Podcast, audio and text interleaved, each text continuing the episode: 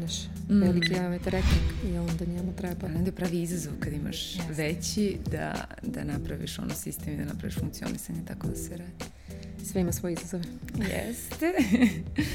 Ćao Sonja, kako si danas? Ćao Ana, hvala na pozivu. Dobro, hvala na pitanju. e pa baš mi je drago. Dobrodošla u podcast Kako si na poslu sa Anom i Vesnom. Ovo je emisija gde pričamo o tome kako da budemo dobro, pre svega, e, jer samo ljudi koji se osjećaju dobro mogu da dobro rade svoj posao i e, ovde pričamo o tome kako da budemo zdravi i fizički i psihički e, i da se dobro osjećamo da bismo mogli da postignemo rezultate koje treba da postignemo u, u različitim oblastima naš, našeg života. Prvo ću ja te predstavim, čitaću da ne bih nešto ovaj, da ne bih nešto omašila ili preskočila u svemu što što, što si ti ovaj do sada radila. E, naš današnji gost je Sonja Dakić, e, po formalnom obrazovanju grafički dizajner, e, a od 2011. godine je preduzetnica, internacionalno sertifikovani NLP trener i mama dvoje dece koja rado deli svoje iskustva, znanje i kontakte jer veruje da tako čini ovaj svet boljim mestom. Inače, ja kad sam te upoznala, ovaj, ti si vodila Daj Daj Pelene i bavila se tim biznisom i nakon sedam godina u tom biznisu si odlučila da odatle izađeš i započela si novi online mentorski program za preduzetnike. E, imamo mnogo tema o kojima možemo da pričamo, a evo možemo da počnemo odatle. Koliko je bilo teško izaći iz sobstvenog biznisa nakon sedam godina? Da počnemo prvo od najtežeg pitanja. da otvorimo tako, može. Bilo je teško bilo je jako teško koliko god da sam ja e, razmišljala, pripremala se i mislila kako to može da, da bude. Moja želja je bila da ja izađem iz biznisa da on nastavi da radi zato što ja sam sa prijateljicom pokrenula Daj Daj, moja motivacija je bila da u tom trenutku donesem jedan proizvod koji nije bio dostupan u Srbiji. Ove malo stariji se sećaju da pre 10 godina online kupovina nije bilo ono što je danas, nažalost. Ove, mnogi stvari smo preko, e, preko veze, što kaže, prenosili preko granice. I ja sam htela da e, ta ideja zapravo zaživi i zaista sam se u to uložila onako ceo, ceo, celu sebe. I kada sam negde otkrila da postoje druge stvari koje me interesuju, kad sam dala sebi zapravo priliku da možda nešto više postoji za mene, što je onako baš bio jedan izazov, koji je meni do, došao kroz neke edukacije i lični rad, E, moja želja je bila da ja negde ostanem uključena i dalje u, u taj neki deo razvoja, da je da je više kao sa strane, da nisam svakodnevno angažovana, ali da se posvetim podršci drugih ljudi koji su takođe na tom putu razvoja biznisa onda sam jednom momentu shvatila da stvari neće ići po mom planu i po mojim scenarija koje sam ja razradila i da ako ja izađem iz biznisa, on će prestati da radi. I meni to jako teško palo i to je nešto što sam posle, kad sam pričala sa drugim preduzetnicima, uh, videla kao temu, a to je to pitanje identiteta koje mi vezujemo za posao koji radimo. Jer jedno od pitanja koje sam ja tada sebi postavljala jeste ko sam ja ako izađem, znači ko ću ja biti ako izađem iz biznisa po kome me svi znaju. Mene su ljudi pamtili tako Sonja daj daj, to je bio moj Instagram profil, mm -hmm. tako su me čuvali, što kaže u imenicima telefona. I, ove, I onda je to baš bila onako jedna lična borba. E sad onda je, ja uvek kažem, život je pametniji od nas. U tom momentu meni su se privatno neke stvari još ovaj, paralelno s tim dogodile. I kada sam počela fizičke manifestacije da osjećam od tog emotivnog roller coastera u smislu bol u grudima, splitko disanje, onda je zovem drugaricu i kažem šta da radim, kaže na šeta, jer ja kažem šetam, ne mogu više da šetam, otišla sam od kuće do Kalemegdana peške, da dokle da idem, pa kao diši, pa dišem, naravno da dišem. Ovaj, kad sam shvatila da ne spavam noću, da to zaista jedan stres onako na, na nivou celog bića, onda sam rekla dosta je ja ću da izađem i šta god, znači preživeću ovo kako znam i umem. Nisam imala apsolutno ideju šta ću da radim posle toga, ali sam shvatila da zbog sebe treba da izađem i da će sve biti okej. Okay. Uh, ja sam radila od osnovne škole neke razne poslove, što kaže za džeparac, mm -hmm. i ja se rada nikada nisam plašila. Znači, ja sam zaista bila spremna da se, mislim, ja sam čak i dok, dok smo razvijali Daj Da, ja sam honorarno radila grafički dizajn i ti poslovi su meni dolazili. Znači, ja sam znala da mogu na neka mesta, na neke adrese da se javim, da kažem, e, slušaj, daj mi bilo kakav posao, dizajn, prelom, šta god, što kaže, izvući ću se. Tako da to mi nikada nije bilo, što bi rekla moja uh, Bilja Fitaki, kaže, ja imam veliki kapacitet za rad. I onda se ne plašite ničega. S jedne strane imate tu sigurnost, ali je to emotivno odvajanje tog identiteta i kao I posebno što mislim da mi kao kultura ovde, uh, ljudi to percipiraju kao neuspeh. Znači, masa mm -hmm. ljudi, meni je skoro devojka pisala na Instagramu, to mi je tako vredno iskustvo bilo. Ovaj, gledala je neki moj webinar i onda mi poslala komentar kako je bio super koristan i sve, ali eto kako ona imala uh, predrasudu o meni, zato što je znala da sam imala svoj biznis i da sam izašla i njena misao je bila šta ona meni ima da priča o biznisu kada svoj nije uspela da razvije. Aha. Zato što ljudi to, znači, ne postoji opcija, znaš, koliko recimo Amerika ima drugačiji ugao posmatranja mm -hmm. na preduzetništvo, u smislu ti počneš jedan biznis pa ga prodaš, pa odeš na sledeći, znači imaš te uh, ljudi koji samo pokreću, da kažem, biznise pa ih dalje ovaj, dalje ih drugi razvijaju. Kod nas kada ti odustaneš od nečega, to mora biti neuspeh. Mm -hmm. To ne može da bude nekako da ti ideš prosto na nešto više. Čak nije ni biznis neuspešan, nego si ti neuspešan. Ti si ne, da, da, da, to je I uvek to je na ličnom taj... nivou i to, to je ono što je poražavajuće, zato ljudi kažem, ja sam i s nekim drugim ljudima koji su opet bili vezali za, za neke projekte, čak ne mora da bude ni za biznis, ali kad ti izađeš iz nekog projekta, onda svi misle nešto se dogodilo, znaš, to kao mhm. loš razvod, kao nešto mora da je bilo, mm -hmm. neki ovaj, sensacionalistički onako tražimo, ali ove, i meni je njen taj komentar baš puno znači, jer ja, ja sam pričala o svemu tome, ali i dalje, kažem, ljudi to prihvatio na neki svoj način. Mm -hmm. A meni je tu pomogla mnogo e, Milica Čalija, moja dobra prijateljica, kad je rekla ti si to prosto prerasla i to jeste bilo to. Mm -hmm. Ja sam u jednom momentu zaista kroz taj neki lični rad shvatila, ok, šta ako za mene ima nešto više. Mm -hmm. I imala sam već iskustvo mentorstva, imala sam iskustvo kad sam dobila svoj prvi honorar za mentorski rad, te sam ja, što bi rekla moja deca, potpuno izneverovala mm -hmm. da će meni to neko da plati. Eto što je meni to bilo toliko značajno, vredno, e to je ono iskustvo za koje bih ja sigurno platila da, da, ovaj, da mogu da budem deo toga. I, ove, I onda sam videla, ok, možda tu leži moja prilika. Ali da nisam imala to iskustvo da je da ja, ja danas ne bih mogla da radim ovo što radim. Ne bih se osjećala dobro, uprko svim edukacijama mm. i svemu što sam ja prošla, bez tog ličnog preduzetničkog puta, tih sedam godina, što kaže, ja znam, ja sam taj put prošla, ovaj, ne bih mogla danas da stanem pred druge ljudi i da kažem, e, mm -hmm. ajde da vidimo šta. Da, pa mislim da, da baš je važno da, mislim, dve, dve važne stvari si ovde pomenula. E, jedna je to da treba da, da ne treba da gledamo na ako od nečega odustanemo ili od nečega izađemo kao na neuspeh, nego kao na vrlo normalni, krećemo na sledeći korak i na sledeći stepenik tako našeg razvojnog puta, a celo to iskustvo nam je dalo ogromne Priliku, lekcije koje da je, nosimo je. dalje. I druga stvar je ta da često ljudi se identifikuju, mislim, ne samo ni preduzetnici, nego ljudi i u kompanijama, ono, ja, ja nisam više ja, nego sam ja direktor ili menadžer ili e, osnivač nečega ili vođa nekog projekta, ono, tako se i predstavljamo, e, maltene. I ove, kad smo onda kod toga, e, koliko je e, dobro ili loše, mi često kažemo da kompanija je naša porodica mi smo deo neke porodice ili kažemo za to za naš projekat ili za naš, ne znam, startup, za našu kompaniju da je to naša beba, koliko je ta e, metafora i ta analogija dobra i korisna korisna ili nije?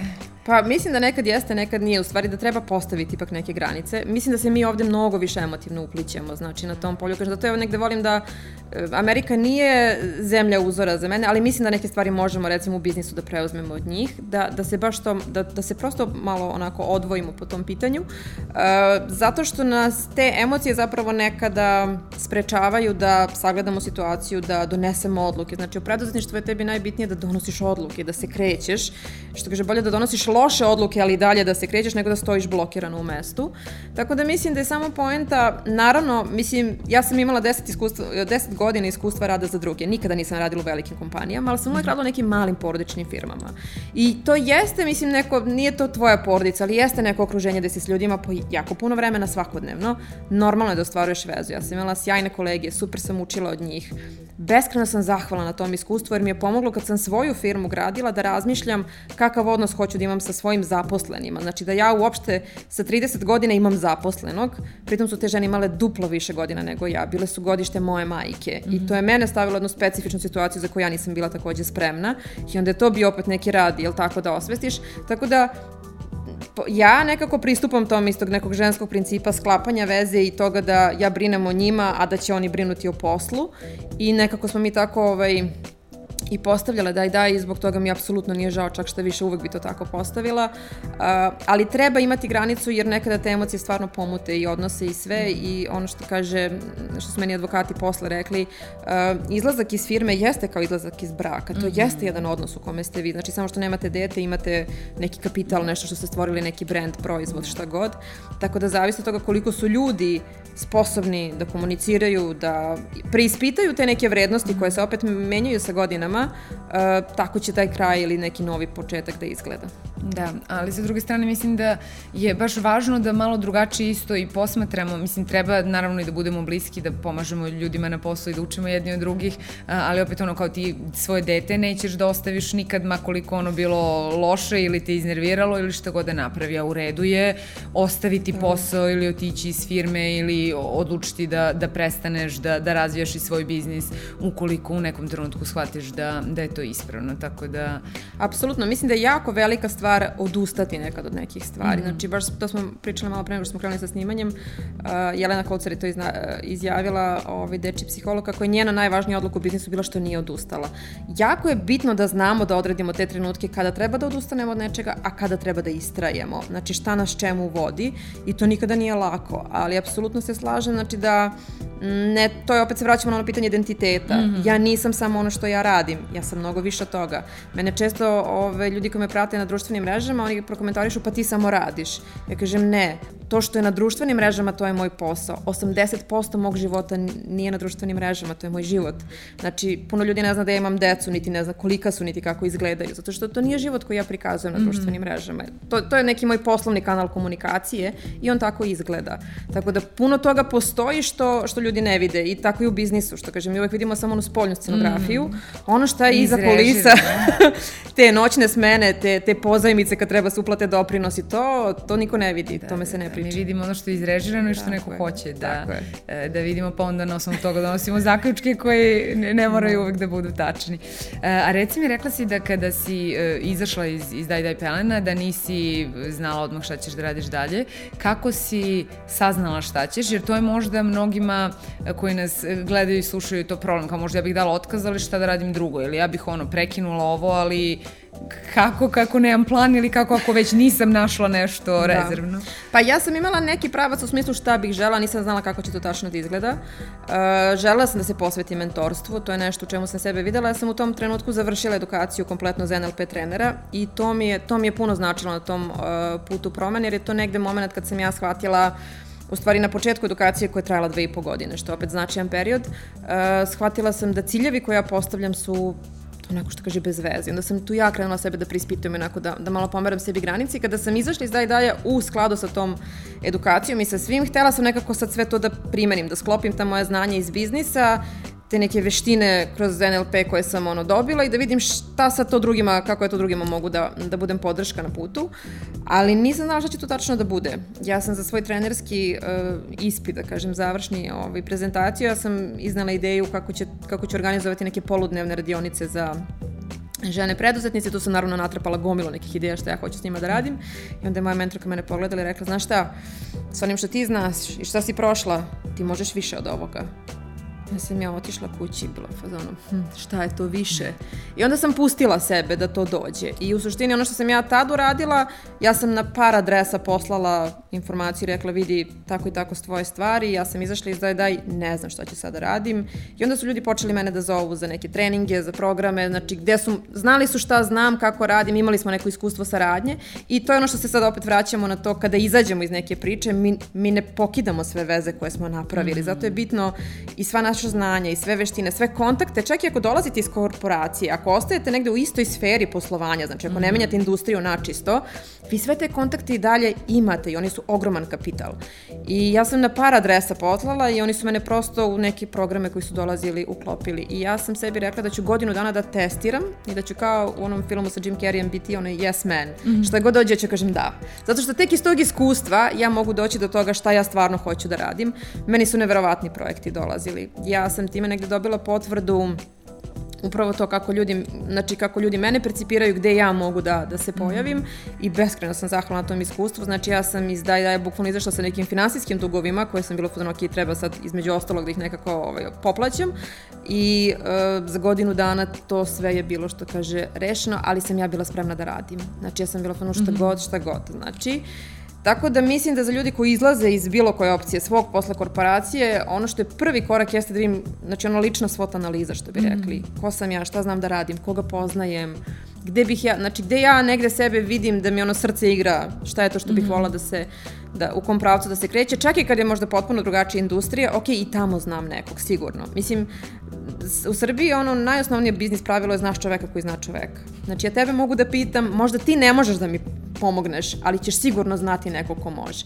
Pojente da izađete i da pitate. Eto, to je ono što, što da. ja mislim stalno ljudima pričam. Znači koliko god, znaš ono, koliko opcije, koliko mogućnosti, toliko rezultata. Prosto to je da, to. Da, ovde ponovo ove dve stvari koje mi se jako sviđaju i koje bih izvukla. Jedno je to da jedino, jedino učiš kroz iskustvo i jedino to je često i studentima kad pričam, naravno posle fakulteta kao ko da se gde zaposli šta da radi, kao probaj, znaš, kad zaposli se na jedno pa probaj radi i onda ćeš vidjeti da li ti je zanimljivo ili nije, tako da mi je super ovo kao što si pa bila jes ćemo, meni da. rekla sve, da svemu, pa da vidiš šta je i ovaj, e, druga stvar koja, koju si spomenula, sad sam je zaboravila, um, Um, ne veze, vratit Moguće taj lični na... kapital, mislim da to... to ono, da, da, da, jeste. Zato što uh, si da rekla to kako ljudi imaju stvarno percepciju, ali to i kad izađeš iz veze i iz braka i iz kompanije, da ti sad tu sečeš neke mostove, tako, da ti moraš da presečeš I, onda kao... i da odeš i da spališ mostove i da, znaš, kao ti zalupiš neka vrata, ali kao ne, ti, ti ideš i ti si i dalje ti, ko je volao da radi sa tobom, radi će, voli će da radi sa tobom i,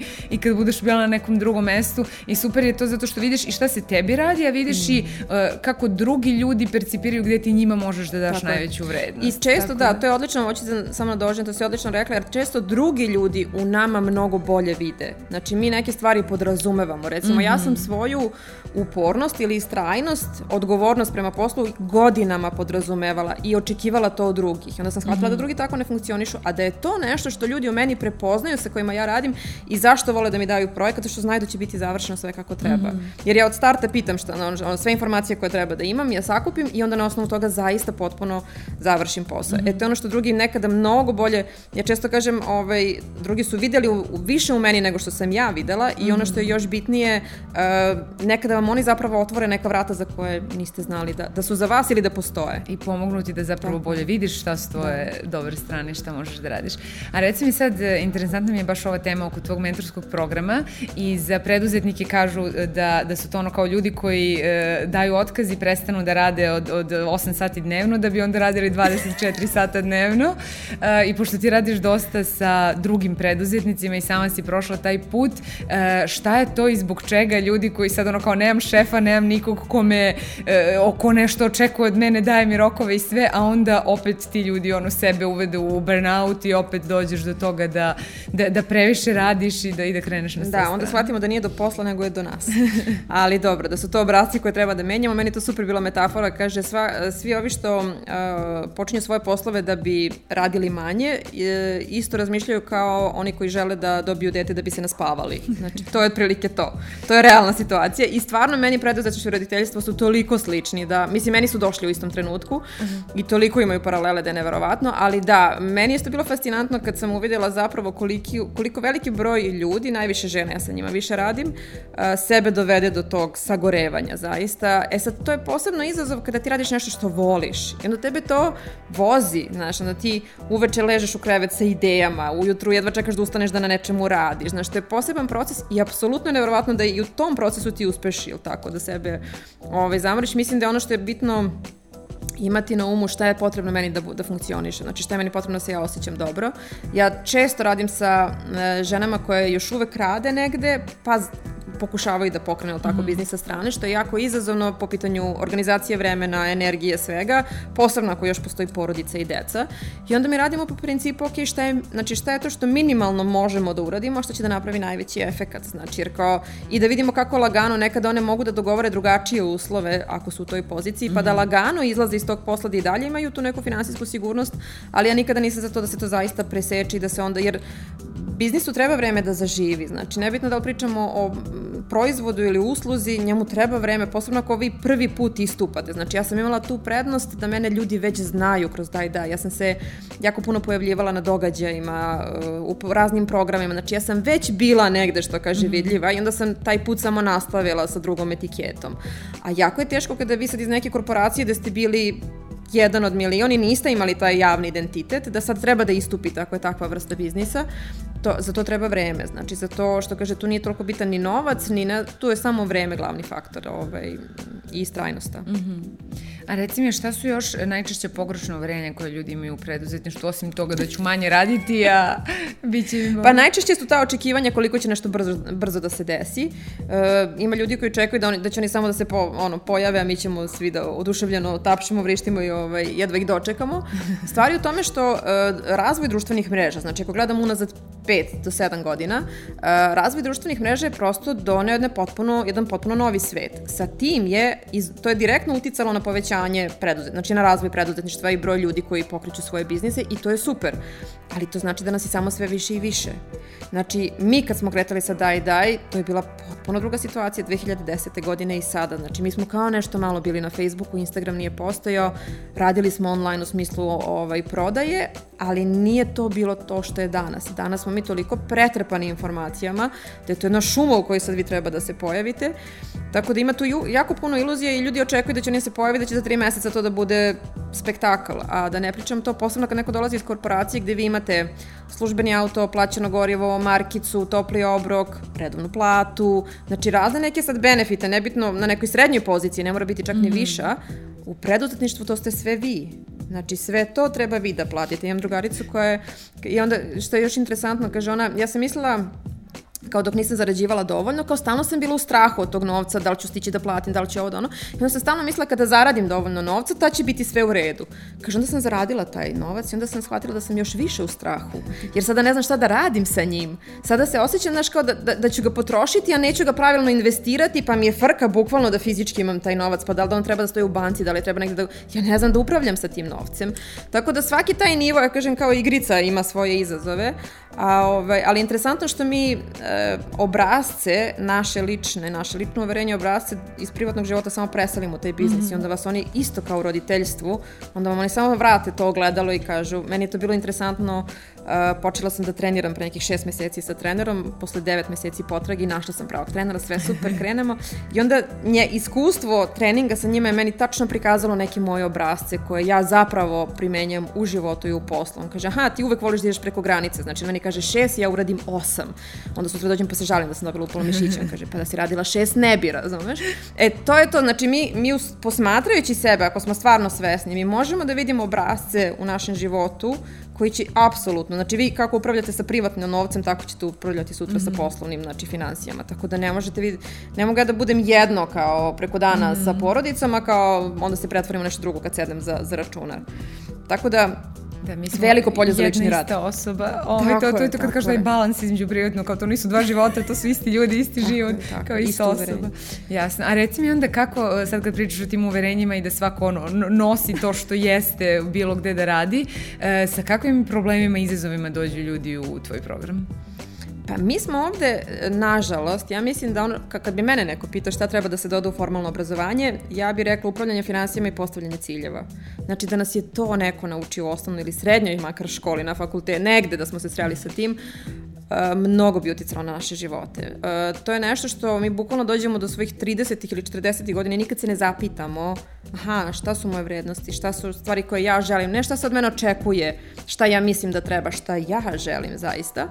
Tako da, to su neke stvari, ja najviše s ljudima zapravo radim na probijanju tih okvira koji sebi postave i na tom podizanju lestvice. Kažem, to je ono kao kad skačete, kako kad skaču sportisti u vis, pa sad, ne znam, dostignu neku visinu, pa sad sledeći put, ili tako, dižu na više da bi, e, to mi radim u biznisu. Znači, mi dođemo sa nekom idejom koje je, koja ima neka ograničenja, onda gledamo, ok, da li to stvarno ima potencijal, da, da li sam ja osoba koja to može da iznese, da li sam ja ok sa tim.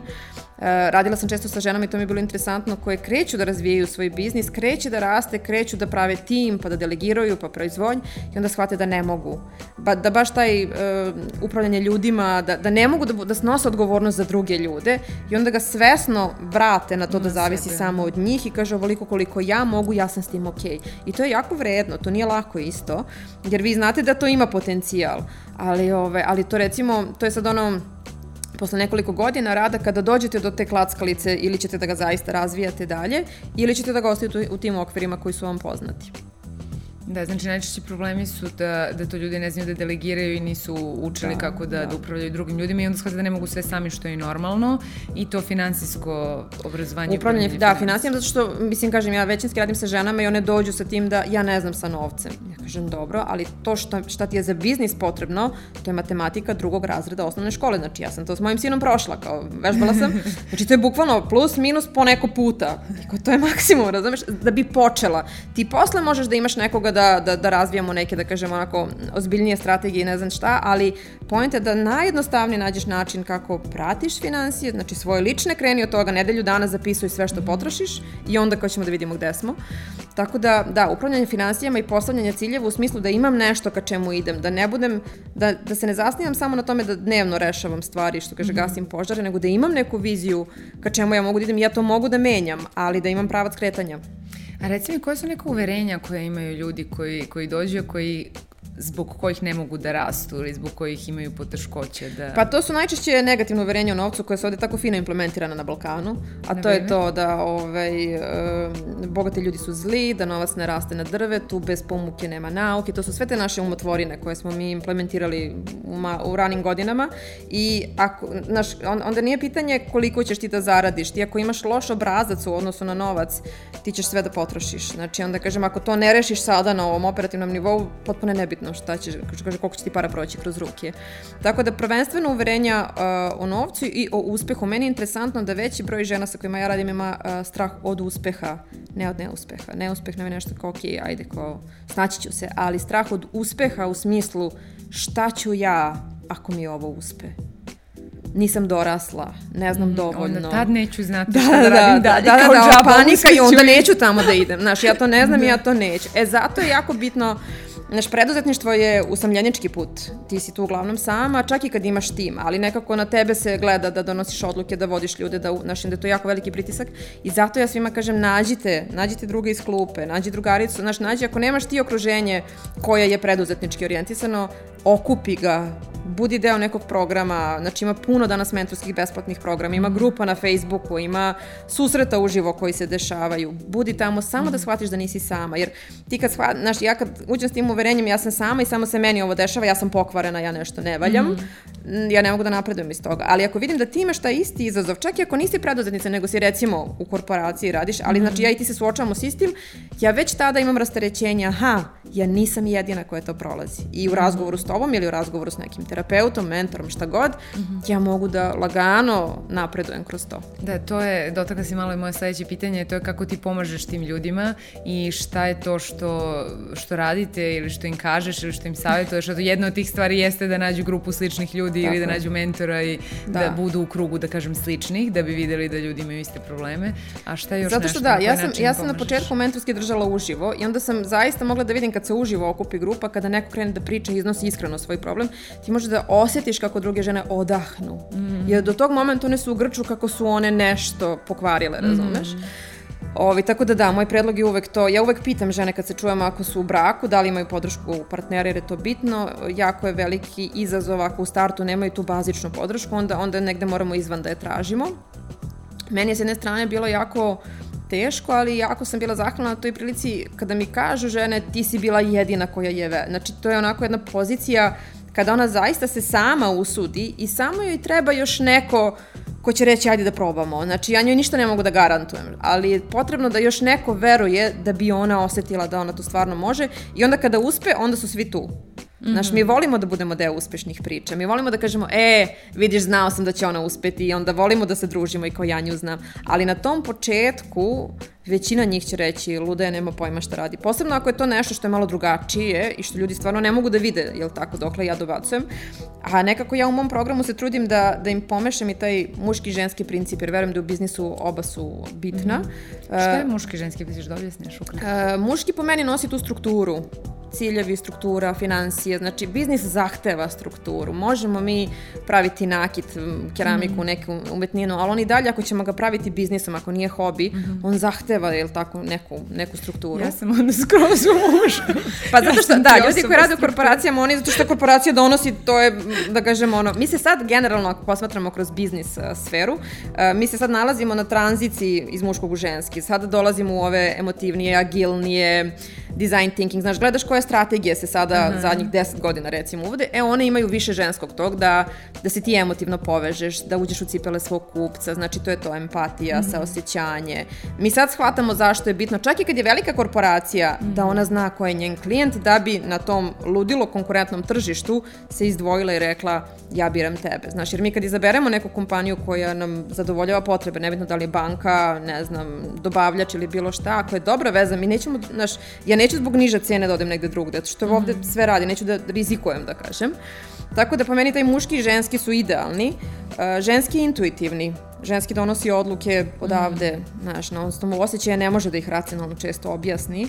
I ženski je taj koji treba da donese neku viziju i u suštini žene pokreću biznise koje donose uh, dobrobit drugima. Mm -hmm. To je ono zašto sam se ja vezala za polje socijalnog preduzetništva, jer to su biznisi koji nisu tu samo zbog profita, nego da urade i nešto dobro. Znači mm -hmm. da mhm. naprave profit, ali da naprave tu neku promenu u društvu, u okruženju, da donesu neki proizvod drugačiji, da ponude drugačiji model poslovanja i to je ono, kažem, žena obično počinje, znači biznis da vidi da nešto pomogne, znaš, mm -hmm. to je, nije njoj poenta. Mislim, malo će žena naći koje kupuju četke iz Kine i preprodaju ih ovde puta deset. Mislim, to nije, to nije ženskim princip. Mm -hmm.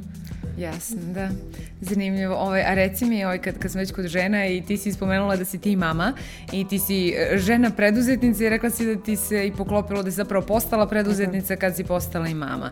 I sad znamo da, da u Srbiji se, se dosta priča o tom, da kažem, nejednakom tretmanu uh, mama koje su zaposlene i mama preduzetnica koje su isto zaposlene i rade, ali, ali ipak dobijaju drugačiji tretman. Koliko je uh, tebi bilo taj period stresan? Kako uopšte bilo tvoje iskustvo i pa, kako si ti prošla kroz ceo da, period? Da, uh, mi smo tada imali DOO, što je mm -hmm. bila lakša verzija, mm -hmm. što kaže nisam bila preduzetnica, jer to je najgori mogući ono što kaže oblik mm -hmm. šta može da se desi. Tako da sa te strane neke pravno-finansijske to je bilo okej. Okay.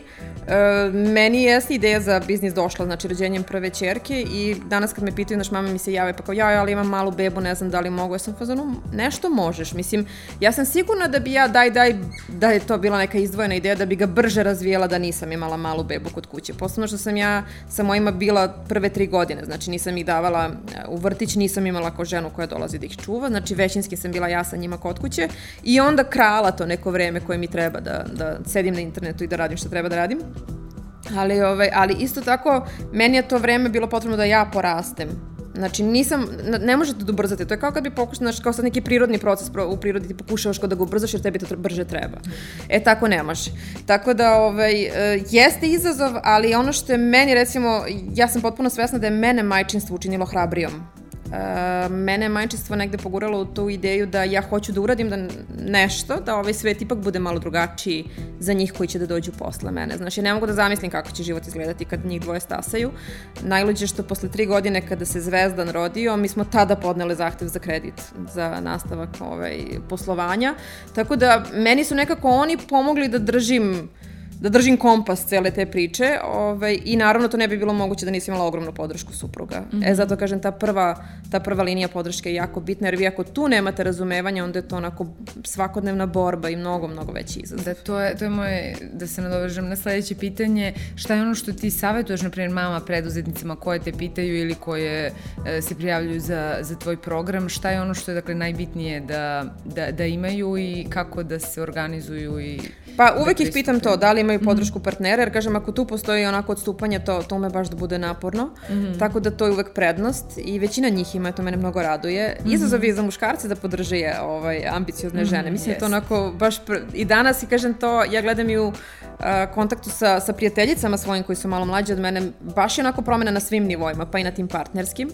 Tako da ih prvo pitam to, koliko vremena imaju, koju podršku imaju, znači šta je to što su neka njihova očekivanja i uvek se, kažem, fokusiramo na to, ok, šta je to malo što možemo da krenemo da radimo, da, da ona proveri. Uh, bilo je žena koja su ušla u moj mentorski program i posle par meseci kada vide, jer nekako ja sam u njega integrisala i te preduzetničke veštine i taj lični razvoj, jer jedno bez drugog ne ide. I onda kada vide šta sve tu ima, pa marketing, pa prodaja, pa financije, pa, naš, pa strahovi, pa strategije skrivanja, pa svašta nešto što mi radimo, ovaj, onda one shvate da im je to previše. I neki od njih se vrate svojim korporacijskim poslovima mnogo srećnije. Aha. I to je interesantno, jer onda drugačije se vrate na taj posao, drugačiji mm. odnos imaju, drugačije postave neke svoje granice i shvate da one kad izađu sa tog posla u 4-5, da su izašle ja sad, znaš, mene kad neko pita koliko ti dnevno radiš, ja ne znam da ti odgovorim na to pitanje. Mm -hmm. Zato što ja čak i kada ne radim, sad kad sednem u koli, kad krenem da se vozim do banke, ja ću da razmišljam. Znaš, ću da razmišljam, aha, šta treba, treba da odem kući, treba da postavim ovo na sajt, treba se čujem sa saradnicom, treba da... Znači, ja mhm. stalno... Mm. Nemaš formalno radno vreme kad Nema mi, čak, kanci, kad Tako je, da, čak i kad, posebno što još uvek radim od kuće, što je dodatni izazov, Aha. ali čak i kada bi postavila sebi radno vreme, te ideje meni ne daju mira. Znači, mm. mene neko, često mi isto pitaju žene kao, jao, pa kako ti sve stižeš? Ne stižem sve postoji negde neka lista stvari mm. na dnu te liste, sredi svoj LinkedIn profil, ja to verovatno nikad neću mm. raditi, zato što mi nije bitno realno. Da, i to je veliki nikad. Ne treba da stignemo sve, treba ne mora, da stignemo da uradimo ono što je najbitnije, što je najrelevantnije je. za tako put gde smo krenuli i destinaciju. Znači šta su moji prioriteti, šta je sada nešto što je vremenski jako vezano, što sada, znači šta danas do kraja dana moram da uradim. Mm. Aha, danas treba otvorim račun u banci, ok, danas se samo time bavim, sve ostalo ide na hold, razumeš. Mm. E, to je to, znači određivanje prioriteta, usmeravanje prema tome, ali niko nikada ne stiže sve i, i negde to uh, ono što nekada moje iskustvo u radu sa drugima šta njima znači, jeste da imaju neku strukturu korak po korak, ok, odakle treba da krenem, mm -hmm. šta treba da, da posložim, ali ja recimo sa njima radim postavljanje ciljeva životno, ne poslovno. Znači ja sam mm -hmm. kako tvoj život hoćeš da izgleda. Zato što je to sve jedno, to ono što smo rekli, to nije posao. To je to, znaš, to se sve preliva i onda da vidimo gde taj posao upada. Aha. Naravno da ćeš prvih godinu, dve kada treba da razviješ posao raditi mnogo više, ali dugoročno jeste cilj da naučimo da radimo pametnije, pa da delegiramo, pa da zaposlimo zaposlimo nekog. Znači, meni je jako veliki izazov bio da delegiram i da, da uzmem saradnicu ovaj, u svom poslu, jer to je onako meni baš bilo kao kako sad, ali mi beskrajno znači. Mm -hmm. Jer je to za mene sad sledeći korak, znači. Da, apsolutno. I svaki put kad hoćemo da stignemo ono, šta nas je dovelo do ovde, neće nas odvesti tamo, kako kaže i naziv knjige. Reci nam, pošto bližimo se kraju, šta je ono što ti radiš da bi bila dobro i da bi se osjećala dobro dok dobro radiš svoj posao?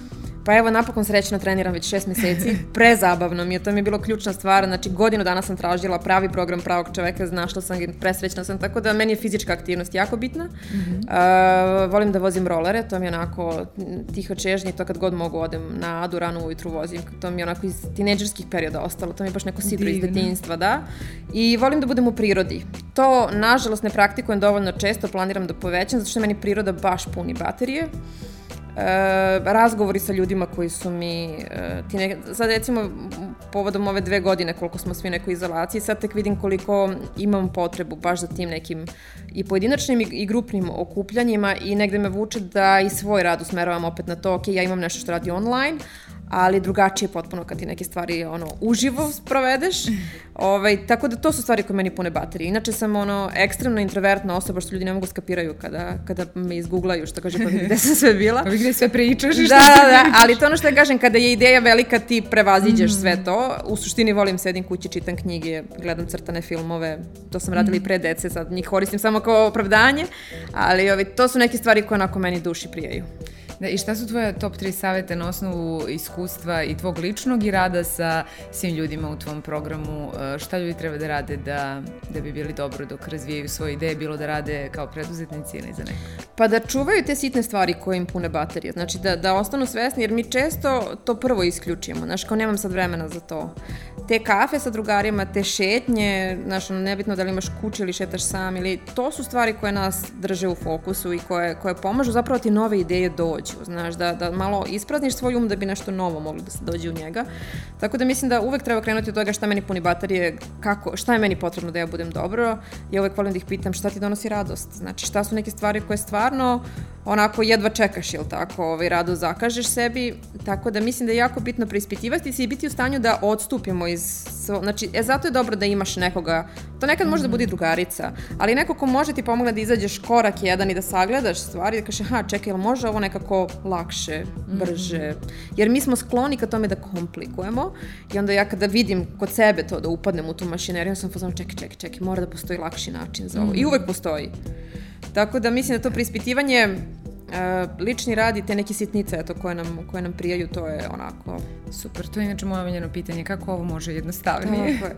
A, Meni je to super, to pripisuju Bill Gatesu, ovaj, tu izreku, kaže on, ovaj, dajte, dajte posao lenjim ljudima, kaže oni će uvek naći najlakši način kako nešto može biti urađeno, znaš, i to je, ja sam imala takvog kolegu na poslu koga nisam mogla da, znači uopšte nisam mogla da radim sa njim koliko je on bio suprotan meni, ali posle godina, godina rada na sebi Si naučila sam da shvat, pa ni, ne mogu da kažem da sam naučila to, to ovaj, ali sam uvidela da, pos, da može i tako, jer je on bio mirni, relaks, znači on je prosto imao neki svoj flow, Mhm. ja sam s druge strane još tada, da kažem, sagorevala za druge isto ko za sebe, tako da nije do posla, to kažem, do nas Da. je, ali treba, treba da učimo i treba da pričamo o tome što više, Mhm. tako da meni je drago da, da si ti između ostalog pokrenula ovaj format upravo iz tog, iz tih različitih perspektiva i preduzetništva i kompanije i pojedinaca, jer mislim da je to baš onako mm, nije ni trend, nije ni bolest, ne znam kako bi ga karakterisala, ali jeste nešto što nam postaje Mhm. Ali to svakodnevno. jesu uverenja koje smo, koje smo spominjali, Tako to da je. kao mi moramo, ako Da nije mora, tako je. teško, neće biti dobro, ja moram da se izborim, moram da se namučim, neće ništa doći... Neće vredeti. Da, tako da, je, da, tako je. neće, neće vrediti, ja mislim što jeste tačno, mi treba da radimo i da se trudimo, ali neke stvari prosto ako mogu jednostavnije, treba jednostavnije. Apsolutno, apsolutno. I uvek može. Znači, uvek može, kažem to, ili ćeš popričati sa nekim pa će ti neko reći kako je to uradio, danas je sve dostupno od informacija.